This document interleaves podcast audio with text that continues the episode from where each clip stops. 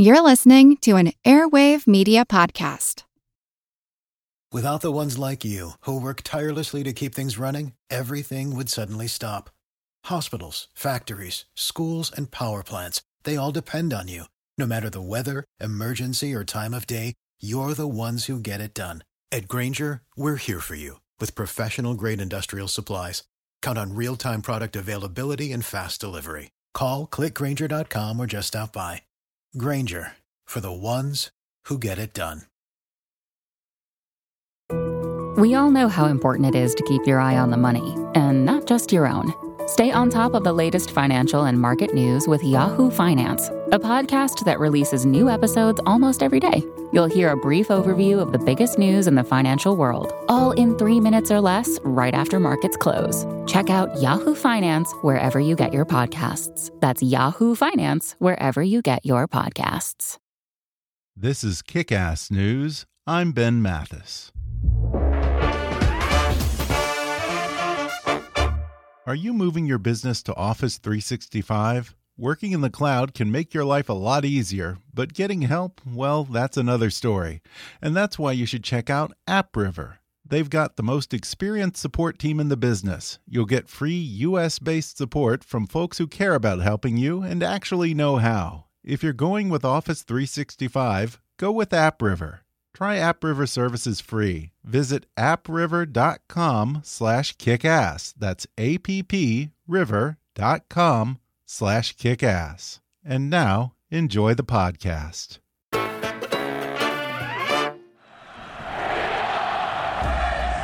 That's Joe Paterno, the winningest coach in college football history.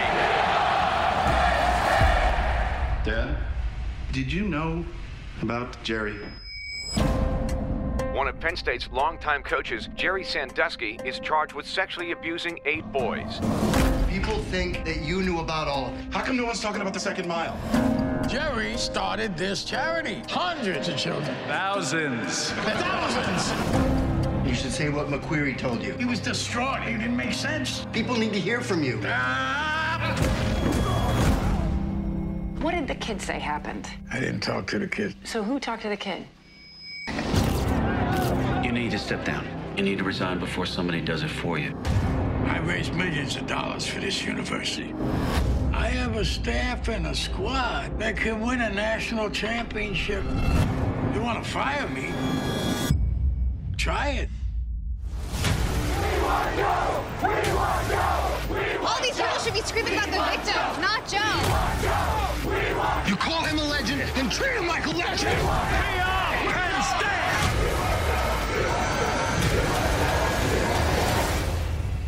Hi, I'm Ben Mathis. Welcome to Kick Ass News. That was the trailer for Paterno, the new HBO movie that stars Al Pacino as the winningest and perhaps most polarizing coach in the history of college football, Joe Paterno. To many of the students and alums at Penn State, he was known as Joe Pa and the Wizard of Happy Valley, the legendary coach, philanthropist, and champion of education who led the Nittany Lions to 18 College Bowl victories. But to others, he was the man who at best should have done more to stop the decades of sexual abuse by his assistant coach Jerry Sandusky, and at worst may have enabled Sandusky's crimes and participated in the cover up. Today, the director of Paterno, Oscar winner Barry Levinson, joins me to delve into the Penn State sexual abuse scandal that ended Joe Paterno's 61 year career and explain why he wanted to present the straight facts of the case without actually taking sides on Joe Paterno himself. He talks about the student riots that broke out when Penn State fired Paterno and what the film has to say about Americans' views on issues of loyalty, tribalism, and the truth. He also recalls his early days teaming up with another kind of coach, Craig T. Nelson, to form a nightclub comedy duo, writing sketches for The Carol Burnett Show, becoming a director at the urging of his mentor, Mel Brooks, and he shares behind the scenes stories from some of his classic films, including Diner, Tin Men, Rain Man, Avalon, and more.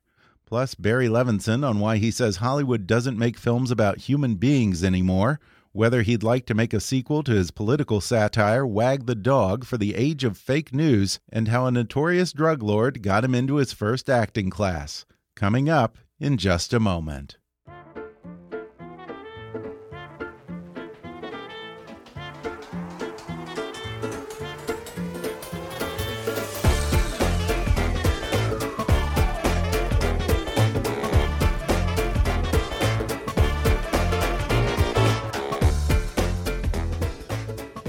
Filmmaker Barry Levinson is one of the most prolific and accomplished directors today. His credits include Diner, Tin Men, The Natural, Good Morning Vietnam, Bugsy, Avalon, Wag the Dog, Liberty Heights, The Wizard of Lies, and of course Rain Man, for which he won a Best Director Oscar, as well as television series like Homicide and Oz. Now he directs Al Pacino in a film about the events surrounding the Penn State sexual abuse scandal called Paterno, which comes out April 7th on HBO. Barry Levinson, welcome to the podcast. Thank you. Well, Barry, I have such distinct memories of seeing so many of your films over the years. Uh, Good Morning Vietnam. I can remember going to school the next day and reciting Robin Williams jokes from the movie.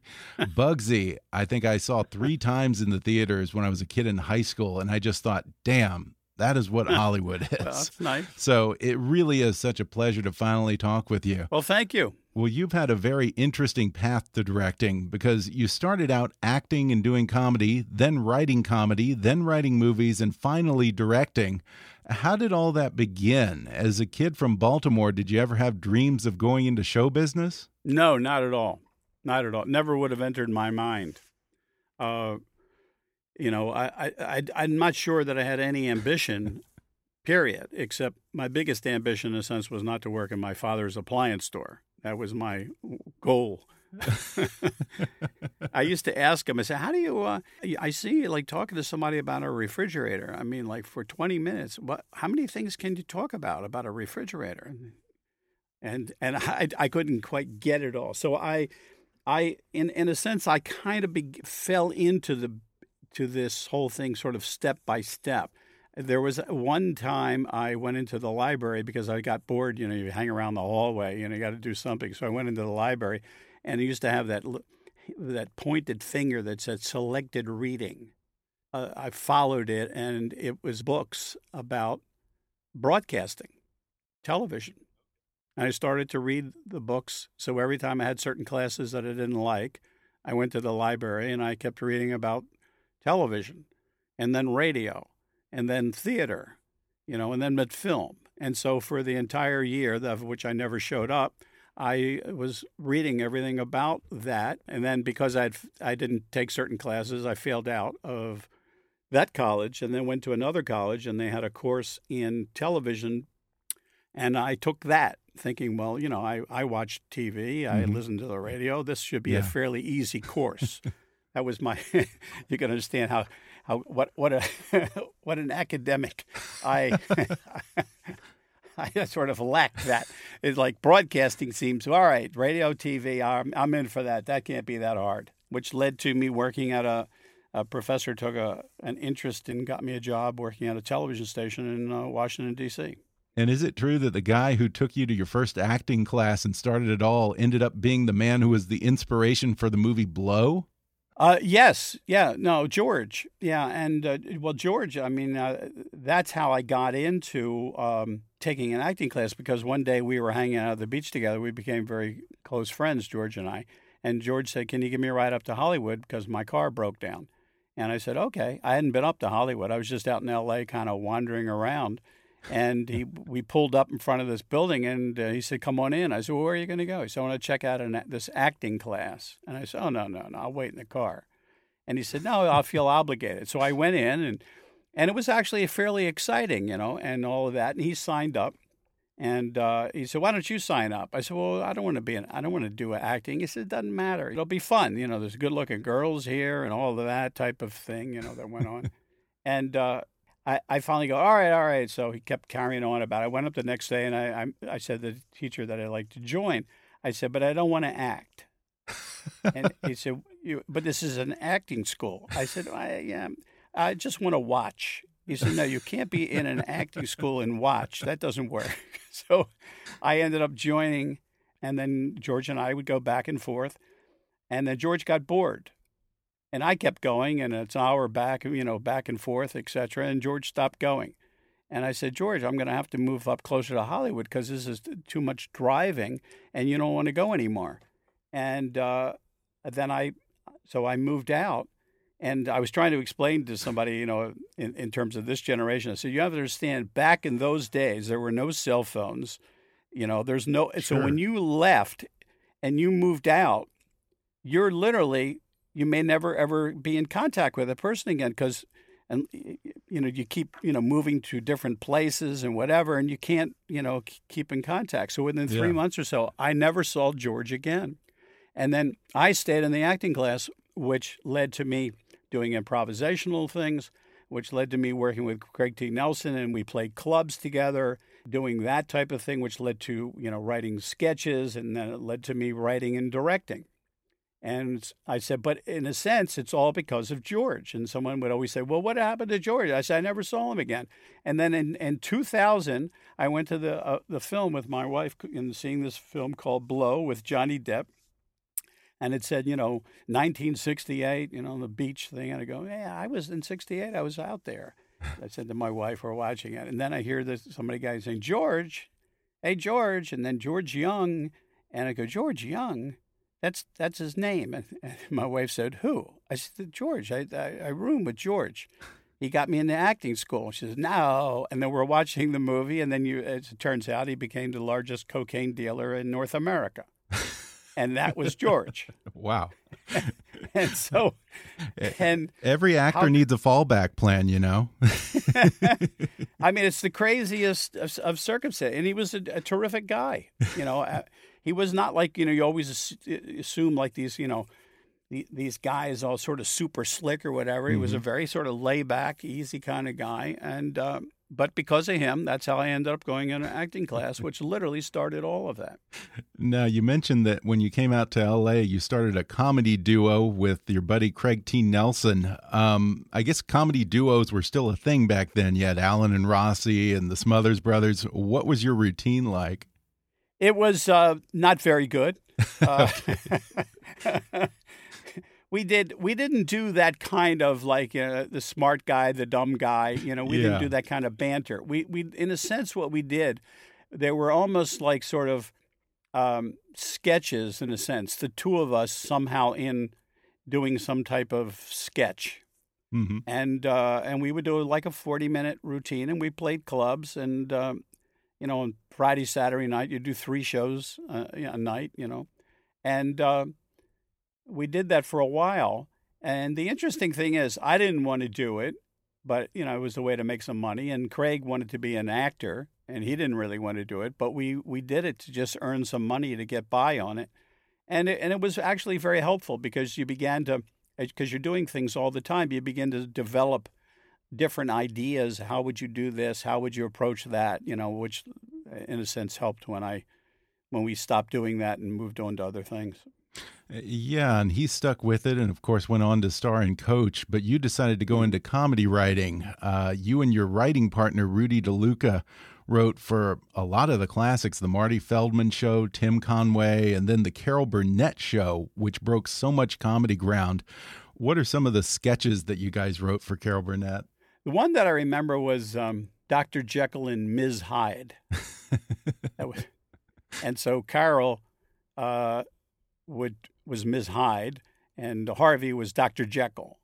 And so uh, when Lyle Waggoner was, you know, talking to Carol as Ms. Hyde, and he that he really liked her, and he's, you know, he and they're they're getting sort of you know very close to one another, and then she, her face is starting to twitch and change, and she's going to turn in, back into Dr. Jekyll, you know. So there was that kind of piece that went on, and then all of a sudden she'd run out, and then all of a sudden Harvey would be there, you know, and Mhm. Dr. Jekyll, how are you? You know, it was that kind of that kind of craziness to it. But we did a lot of physical stuff for Tim Conway when Oh, he used yeah. to do the old man, you know, Oh, the yeah. old man, and yeah, we did. We wrote a lot of those very physical pieces, wandering in slow motion into everything. I, we did it for three years, and uh, and it was a, a great experience. You know, I had Carol Burnett on a while back, and I have to say, I was so impressed with how that show ran like a well oiled machine. They always stayed on schedule, never went overtime. It was pretty much a nine to five job, she said. Everyone knew what their job was, and they just did it. They were uh, as professional a group as you're ever going to see, and Carol was Yeah. extraordinary. I mean, she extraordinary how talented she would be. And and if you could see, you know, it's all pretty quick. They would get the script on a Monday.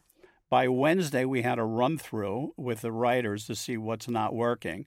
Thursday, they're basically blocking it, and then suddenly putting on the um, the costumes, and then you could see her the second she would put on a costume. All of a sudden, a character was emerging, and then we would shoot it on Friday. yeah, they were really disciplined back then. And, and Unbelievable. I, and, and I think that it was the Carol Burnett show that led to you writing what I think is your first movie, Mel Brooks' silent movie, and then you wrote High Anxiety for Mel. As I mm-hmm. understand mm -hmm. it, uh, Mel Brooks became a little bit of a mentor to you, bringing you around for the filming, the editing. He wanted you around for every aspect of it, which is pretty unusual for a writer to be that involved. What did you learn from watching him? It was great. I mean, he was so terrific. Um, and maybe the funniest person I've ever met in my life. I mean, literally hysterically funny, just talking about things and, and real smart. But he had us there. We, you know, we wrote and we were, every day we'd write until we had the, the script. And then we were there when it was being cast and we, we were there when the locations and things. And, and every day when it was being shot, you know, we would be over by the monitors. And that's when I really began to think about you know, directing because when I look at something and I would, I, you know, I'd say, like, the camera's here. I wonder what happens if you do this and what happens if you do that, you know, mm-hmm. just in my head, you know, it's like an exercise. We were there during the editing and the, uh, and the scoring. So it was like going to, you know, Mel Brooks, you know, film school.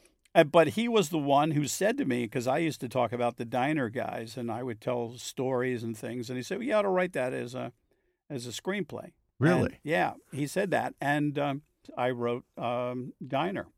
Now, what happened with Diner? Because didn't the studio initially try to tell you that it totally stinks and pull it from release? Oh yeah, yeah, they hated it.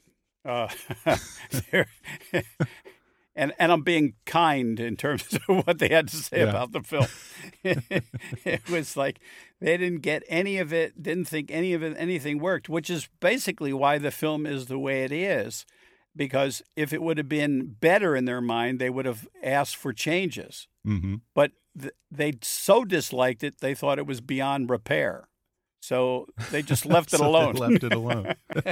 and then what happened? Because I guess a few weeks later, it started getting great reviews and building this momentum, huh? What happened was they they put it in a couple of theaters eh, for one week, took it out, and then basically never for the film never to be seen again it was like, well, it doesn't work, and uh, and put it away. And without going through all the mechanics of what happened, uh, Pauline Kael got to see the film, and she called and said, "When is it opening?"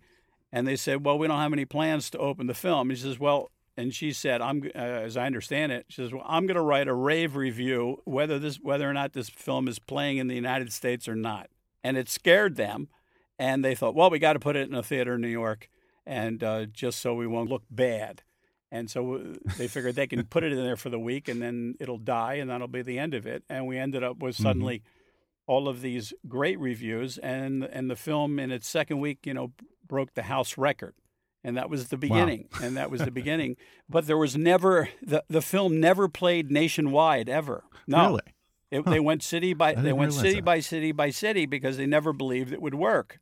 So they never had a lot of prints. They didn't print it because they, they thought, well, it's no good, and why bother spend money on prints? So there were not a lot of prints, and it never played in a in a wide release ever. But it played for a year. Yeah, yeah, sort of a baptism of well, fire in how Hollywood it, works. I, I guess I look at you. this, and in the first film that I did, I got a sense of what happens in a career because it's like you, you do something and it's so terrible you're yeah. out of the business and you do something and you celebrate it and all that happened in one film. It, it went from this is the worst film in the world to getting nominated for the academy award. All happened in one year you know? We were a flop a failure and then all of a sudden a big success. And uh, that was my first film yeah, you were ready for anything after that. Yeah, exactly. now, your next film set in Baltimore was Tin Men. I have always wondered, since you started out in comedy and you no doubt would have known this story, was Tin Men, at least in part, inspired by Rodney Dangerfield's background? No. No. It was inspired by this one moment when I was shooting Diner. You know, you have an assistant director and we have extras, right? We were talking, and I said, Now, look, all of the all of our young guys, you know, the diner guys are on the right hand side of the diner, and to the left is where the tin men would sit. And he and he said, "What?" I said, "The tin men, the you know the guys that sold aluminum siding, they're on the left, and there's they'll be older." And so it stayed in my head. All of a sudden, I'm thinking about the Tin Men. And when I was finishing, you know, Diner, I kept thinking about doing a piece on the Tin Men to me, which was sort of like the last of, it would be uh, the last of like that rat pack sensibility, you know, the guys, the wheeler mm-hmm. dealer kind of guys that would dress real, yeah. you know, flashy and fancy and, you know, that kind of the ones that would go to the racetrack and, you know, gamble and all of that. And I, that's where I began to think about it because they were, they were there all the time. And then I thought, well, that'd be an interesting if I could explore that. And um, I finally got to do it you did, I think, four movies in your Baltimore quartet, um, like Avalon and Liberty Heights, which also addressed racism and anti Semitism in the 50s and 60s in Baltimore. Were those things that you witnessed personally growing up? Yes. Yeah. You know, we didn't know. It's like when you're, you know, you're a kid, you just assume that's the way things are. Yeah. You know, if you crossed Falls Road, then suddenly you went into a non Jewish area and and basically so no Jews went into that area.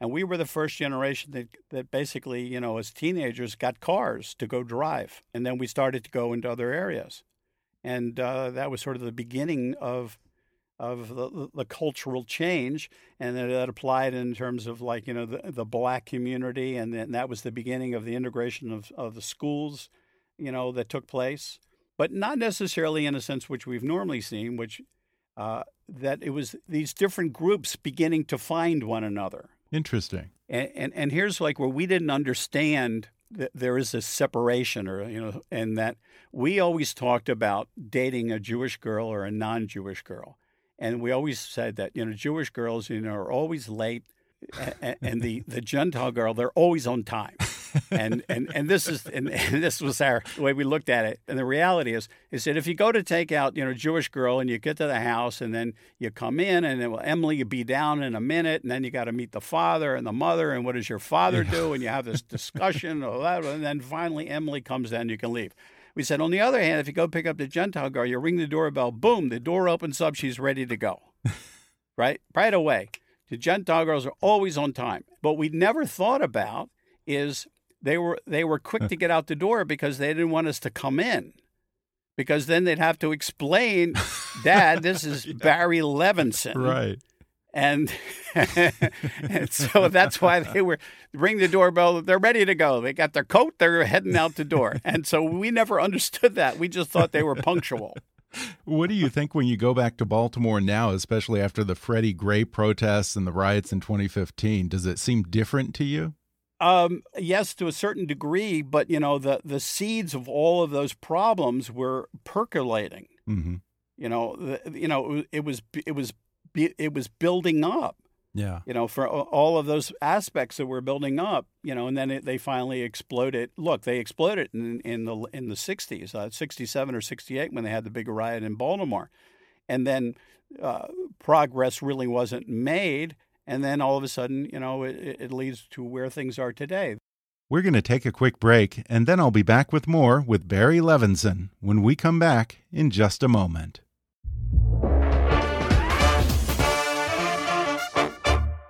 Hey folks, I recently had a very big milestone in my life. A few weeks ago, I decided to propose to my girlfriend, and when I did, I turned to Adiamor.com for the perfect engagement ring. I shopped around for a month or two, looked online and in person, and no one beat Adiamor.com for the best price and the very best quality. I even went down and met with the owner, Sam, in person, shook his hand, looked him in the eye, and talked about what I was looking for in a ring. He's a straight shooter, Sam, and I don't think I've ever met anyone who knows more about diamonds. He should, because his family's been in the jewelry business since 1950. Eventually, I decided on a stunning 3 carat oval stone in a beautiful 3 stone trillion setting, and my new fiance couldn't be happier. Visit adiamor.com slash kick and browse their huge selection of diamonds to choose from. You can go on their site and try different diamonds with different settings until you come up with the perfect ring for you or the woman you love. All of Adiamor's diamonds are GIA certified, and their rings have a lifetime guarantee against material defects. Plus, Adiamor even gives you 30 days to evaluate the deal and make sure that you're 100% happy with your purchase.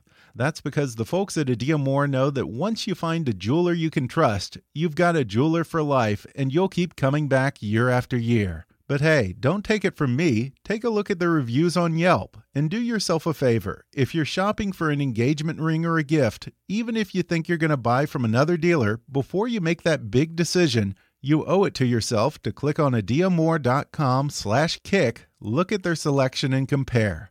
That's adiamor.com slash kick. A-D-I-A-M-O-R dot com slash kick. Their quality and prices speak for themselves, and my fiance and I couldn't be happier. And now, back to the podcast. I want to go back for a moment because I just realized that I skipped over probably your most famous film, Rain Man, for which you won a Best Director Oscar. It almost reminds me of the story behind the scenes of Casablanca because, as I understand it, you made it during the writer's strike and you were kind of coming up with much of the story as you were shooting, right? Yes. Yeah, because we didn't get a chance to get a, a finished script, and so then we were on location, and uh, you know things would come up, and so you said, well, what about this, or how about if we do that? And we were shooting in continuity because we had to go across country. We went from Cincinnati, yeah, and we just kept you know going west, and so a lot of things began to happen in the course of uh, of doing it. So a lot of the scenes were sort of made up. Um, as we were just going across country. Give us an example. What was a moment in Rain Man that you came up with while you were filming? It's something as simple as how do you shoot something? It was, you know, they were saying, well, you know, if you wanted to get to LA, you would just take the interstate. I said, well, the interstate looks so boring. I mean, it looks boring. I mean, it just looks like you could be anywhere, right? And they said, well, if you want to get there, that's the way you got to go. And I said, well, I got an idea. Uh, let's do a scene. There's an accident on the highway, and uh, Raymond won't get back in the car and he won't go on the interstate anymore because there was an accident. yeah, and, and know all all the accidents, the number of them, whatever. He's not getting in. He's not getting back in it, and uh, and that'll get us off the highway, and then we'll have to go across country through the back roads, which look more interesting, and then increase the conflict between you know Raymond and his brother that Charlie can't control him and have him do what he wants to be done. Is that he has certain you know, fears and anxiety. So it actually added to the conflict of the journey by all of these uh, roadblocks that uh, Charlie's mm-hmm. going to have to encounter with Raymond as you go across country. Well, before we get to Paterno, I just want to bring up Wag the Dog because I think it just celebrated its 20th anniversary. Now, there's a movie that has turned out to be downright prophetic, both when it came out and perhaps even more so today. Uh, the release of the film happened almost simultaneous to the breaking of the Clinton Lewinsky scandal. How surreal was it for you to watch that unfold in the weeks and months after Wag the Dog opened?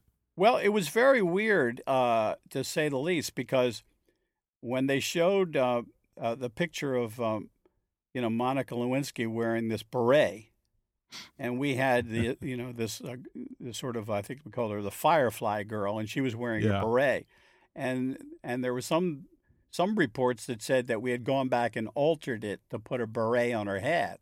uh, but we just that you know that was the look we had for the Firefly girl that has yeah. a beret. You know, so I mean, so so certain kind of similarities and all that stuff sort of swirled around the film in terms of that whole scandal. Yeah, Wag the Dog has become synonymous with political distraction. And there were definitely comparisons earlier last year uh, when Trump launched the Syrian airstrike amid the Russia scandal. Um, yep. Today, the dog wagger has so many more tools at their disposal than they did 20 years ago. Yeah. Would you have any interest in making a sequel or an update in the age of social media, fake news, Alex Jones, Breitbart, and the like? Well, I think it, you know, it's I think it's ripe for somebody to do something like that. Uh, you know, the, the, updated version because the stakes of it just keep rising all the time. Mm -hmm. On the other hand, though, uh, you know, there they came up with these sort of you know rather devious plans. You know, but nowadays you just can lie. Yeah, you just you just lie. You just no, it, that didn't happen. Yeah, and, and, and so no one ever thought that you could just lie right. know, as opposed to come up with a whole scenario you know you don't even have to do that. No that didn't happen. And or say things that just just not even close to credible. Yeah. And, and we are unfortunately in, into a surrealistic time uh, that I worry about because I, I think what happens is when uh, we lose trust in the system, you wonder, well, where do you go from there? If if you don't believe in the media, if you don't believe in the press, uh, if you don't believe in in your government, where do you go from there? I think we are experiencing the total, complete breakdown of our whole system. Mm-hmm. And I don't know. I don't know how you come back from it. I don't know how you repair it. And uh, if you look to, you know, those in Congress, so few speak up about that uh, deterioration in any way that is uh, informative. I fear for you know the the future of this country. Yeah. I think it's a bigger problem than it's it's even being seen Yeah. because we're just saying we're dealing with incident, incident, incident. But you say, but let's look at the bigger picture.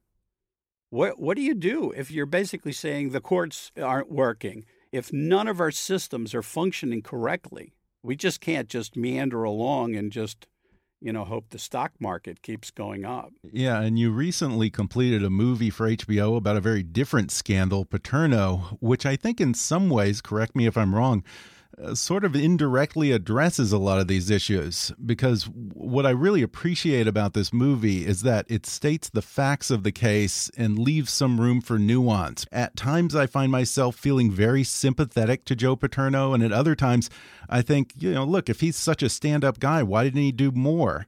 It's an interesting contrast to how we approach scandals in real time, especially today, where so many Americans are reverting to black and white interpretations of the world. They have no room for nuance, and they just want to put a person in some box that fits conveniently into their worldview. Exactly. That is a real problem. With Paterno, you try to show that uh, you, you know you, you have these moments where you're sort of sympathetic to him, and then you go, no, he had it, he did, he didn't, he did, he didn't, and I, I that that to me that complication of it makes it more fascinating. Yeah. You know because as you just said, I mean things are not just simply black and white. And what makes it fascinating, it, it's one thing if you say, all right, well, all Paterno cared about was winning.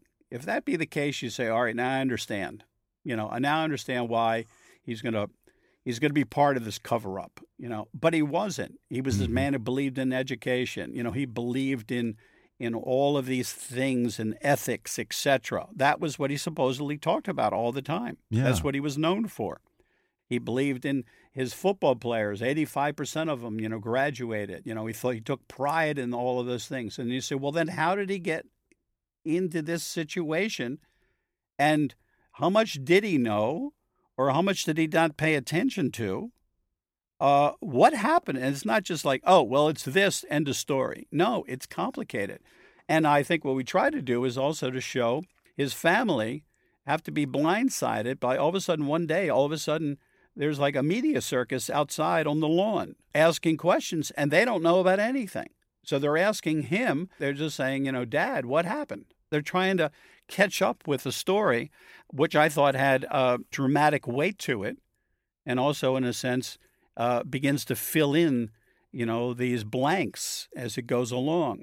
To me, the greatest tragedy is if you can have a sympathy for the character, because as opposed to, well, I hate the guy, I don't, I hate the guy, and etc. And you go, okay, I, I got that. But if you actually have certain sympathy for him, and then you're beginning to hear other things are, are building on it and now you're beginning to reevaluate as you're going along i think that's more interesting at least that's that's the take that uh, we pursued Throughout this film, you know, I keep thinking he reminds me of a man who's just stuck in another era and operating from an outdated playbook where you don't swear, you don't talk about sex, and you handle delicate matters quietly. He just seems lost in the middle of all this. yeah i think it i, I think in some way it, it doesn't let him off the hook Yeah. it's that you know uh, but you know you you try to show it with all of the complexity that this man was about you can't excuse it and you, you keep trying to figure out how this all happened because he was as they say n- they said that you know no one did anything without paterno you know knowing what goes on. He was the emperor of mm-hmm. happy valley. He knew about aspects and you know tried to follow up on it but he didn't take that that other step of all right we've got to do this specifically and you know, let's put this out there. Uh, so it's all part of the story. Yeah, it's a deeply human film in that it acknowledges deep inner conflicts, moral complexities, regret. It made me think of something that you said, I think uh, maybe a couple of years ago, which is that it's getting harder and harder to make movies about human beings. Is Paterno the kind of film that you're talking about? And, and do you think that a Hollywood studio would have made this version of the story that you wanted to make? No, they, they certainly wouldn't they wouldn't make it. That's the the time we're in now. I mean, theatrically, you don't make films about human beings. Mm-hmm. Uh, it's like human beings aren't interesting enough, which is what we are. Uh, you know I mean, so. And you know, in the past, there were all these stories that uh, that were big, popular films about you know people and circumstances, yeah. and we were caught up in it. But but theatrically, we don't do that anymore. So HBO you know, does that, and, and, and Netflix and all the other kind of streaming services are, are beginning to provide some of that type of uh, filmmaking that is no longer on the big screen. You know, for me, I if you know, if I'm able to do the film that I'm interested in and that I can en- engage an audience, uh, and it's going to be uh, in streaming video or HBO, then that's fine with me. I mean, the irony is if you take Wizard. And if you were think of it in theatrical Wizard terms, of Lies, yes, Wizard of Lies. If you take it in th- in, um, in theatrical terms, so let let's just a figure. I don't know what say twelve million people have seen Wizard so far, right? And if you gave it mm-hmm. ten dollars, which is what it costs to go to a movie theater, basically, it would have made one hundred and twenty million dollars. That'd be like a huge hit, a huge hit, yeah, right? Yeah, and so big box office. So uh, that's why those films that I've done the some of these HBOs, uh, so many people can talk about it because the numbers of people who have seen it are are very high. You know, there is an audience for it. It's not like no one wants to watch it. It's just it's the change in times. So theatrical is basically more spectacle, and uh, the you know HBO streaming video services have a tendency to to get some more personal type of uh, filmmaking. Now, this is, I think, your fourth biopic for HBO, if you count Phil Spector, which you didn't direct, but you executive produced. Yeah. And I've noticed that there's a phenomenon with directors who are lucky enough to have a long, successful career, like yourself, Spielberg, Scorsese. It seems to me that the older a director gets, the more they're drawn to biographies. Why do you think that is?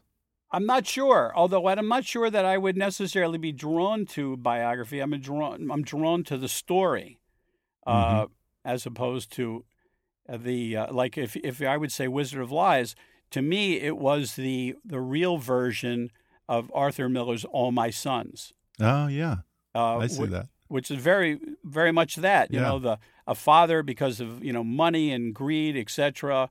You know made uh, faulty parts for the military of which soldiers died and one son killed himself out of the the shame of it all. You know, and so it has elements of of Arthur Miller when when I was thinking of Madoff. Yeah, so that I can see that. That was sort of in, in my head. In the end of the day, I'm I'm I'm drawn to stories about people. I do like human stories.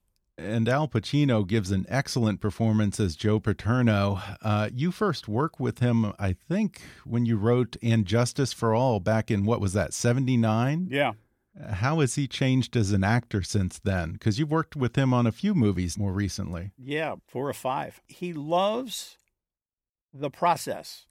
He's he will experiment, try things. You know, it's like Al. What about if we try this? How about if we do that? You know, he's always up for it.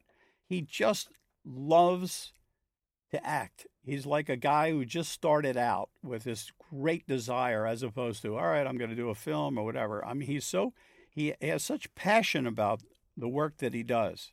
Mm-hmm. we've had a terrific time because you know I'll throw an idea out to him, and rather than going like, "Well, let me think," I don't know, or whatever, you know, we'll say, "Oh, what about? Uh, yeah, okay," and, and we'll and we'll try some things. Some things may not work, and some things suddenly you hit on uh, a moment that maybe leads to another moment. It's fun to play around as and because he has such immense talent that you know he's and he's up for it and he's got enormous uh, courage to experiment. Yeah, he's just terrific in the film. And before we wrap up, I want to talk about one of the more disturbing moments in the film which is Paterno gets fired and Happy Valley ain't so happy anymore. You have students rioting, setting fires, turning over police cars, all in blind allegiance to Joe Paterno, either oblivious or indifferent to the reality that dozens of children had been raped. When you shot that scene, were you thinking about the tribalism and the anger and the clinging to confirmation bias that's suddenly been so prevalent in our society since the 2016 elections? Well, you know what happens is there are two there are two parts to it. One is that there is a, this the emotional component, mm -hmm. which is, you know, the students all they all they've known about or has ever heard about is that Joe Paterno has been there forever. You know, he's yeah. he is like the father. He's been there forever. So the idea that he's fired, it's like he's fired, and then everybody goes crazy, and the kids are, you know, out there and they're demonstrating and turning over cars and setting fires, and it's a pure emotional explosion. Now, there's the reasonable uh, aspect of it that gets lost in that night. You know, when you finally go, oh, wait a minute, let's yeah. hold on here for a second. Let's look into this. You know, the, what are the issues with Paterno? But in that one night of hearing about it, is, is rational thinking doesn't prevail, and, and, not to condone it, but you understand it. It's like, you know, they've taken away the father. Joe yeah. is gone, and it's just a boom, it explodes. And then, you know, yeah. in the clear light of the day, you begin to think about it. Now, I, I don't know what these what the feelings are in the university now in terms of how they view, you know, Joe Paterno.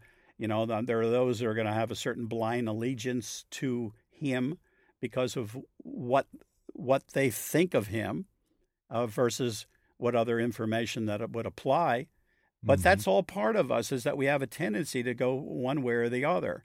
Is that sometimes yeah. we don't really think about it and think it through. We just boom, we just respond without really taking on what it's all about and the, the, the aspects and the complexity of certain things. And, and, uh, and whatever reason, as a nation, uh, which is also frightening, is that we, we are becoming so polarized that we don't even want to hear one another. And that's really mm-hmm. dangerous. Mm-hmm. It's one thing if you disagree, but you have to be able to talk to one another as opposed to, no, no, no, it's not real. It's fake. It's fake. I don't want to hear it.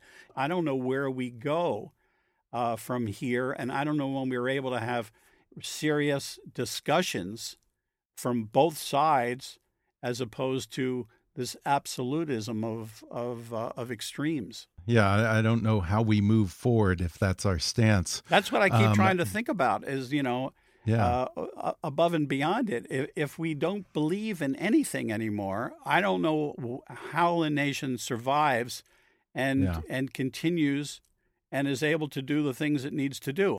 Well, given how fiercely protective Paterno loyalists are, have you gotten a lot of backlash for your portrayal of him? No, but I assume it'll be some. You know, there there will be some, even though we tried to, you know, handle this as in a way that, you know, as I say, is not like someone once said to me very early on in the process. So what? So what's your agenda on Paterno? And I said, I don't have an uh, an agenda. I'm just trying to tell the story with a certain degree of, you know, humanity to the whole thing and understand the the complexities of it all. Well, it's an excellent film, and it's been such a pleasure talking to you, Barry. Paterno is available on HBO, HBO On Demand, and HBO Go beginning April 7th. Barry Levinson, thanks so much for talking with me. Thanks. I appreciate it. Thanks again to Barry Levinson for coming on the podcast. One more time, Paterno is available April 7th on HBO, HBO Go, and HBO On Demand. Folks, if you're an entrepreneur, a small business owner, or even if you have a side gig, let me introduce you to Grasshopper, the entrepreneur's phone system. Grasshopper lets you send and receive calls and texts from your new business phone number. That way, you can run your business from anywhere and respond to clients quickly with Grasshopper's mobile apps. Grasshopper, sign up today. Go to grasshopper.com/kick to get $20 off your first month. Again, that's grasshopper.com slash kick. If you haven't already, be sure to subscribe to Kickass News on iTunes and leave us a review. You can follow us on Facebook or on Twitter at, at KickassNewsPod. And as always, I welcome your comments, questions, and ideas at comments at kickassnews.com. I'm Ben Mathis, and thanks for listening to Kickass News.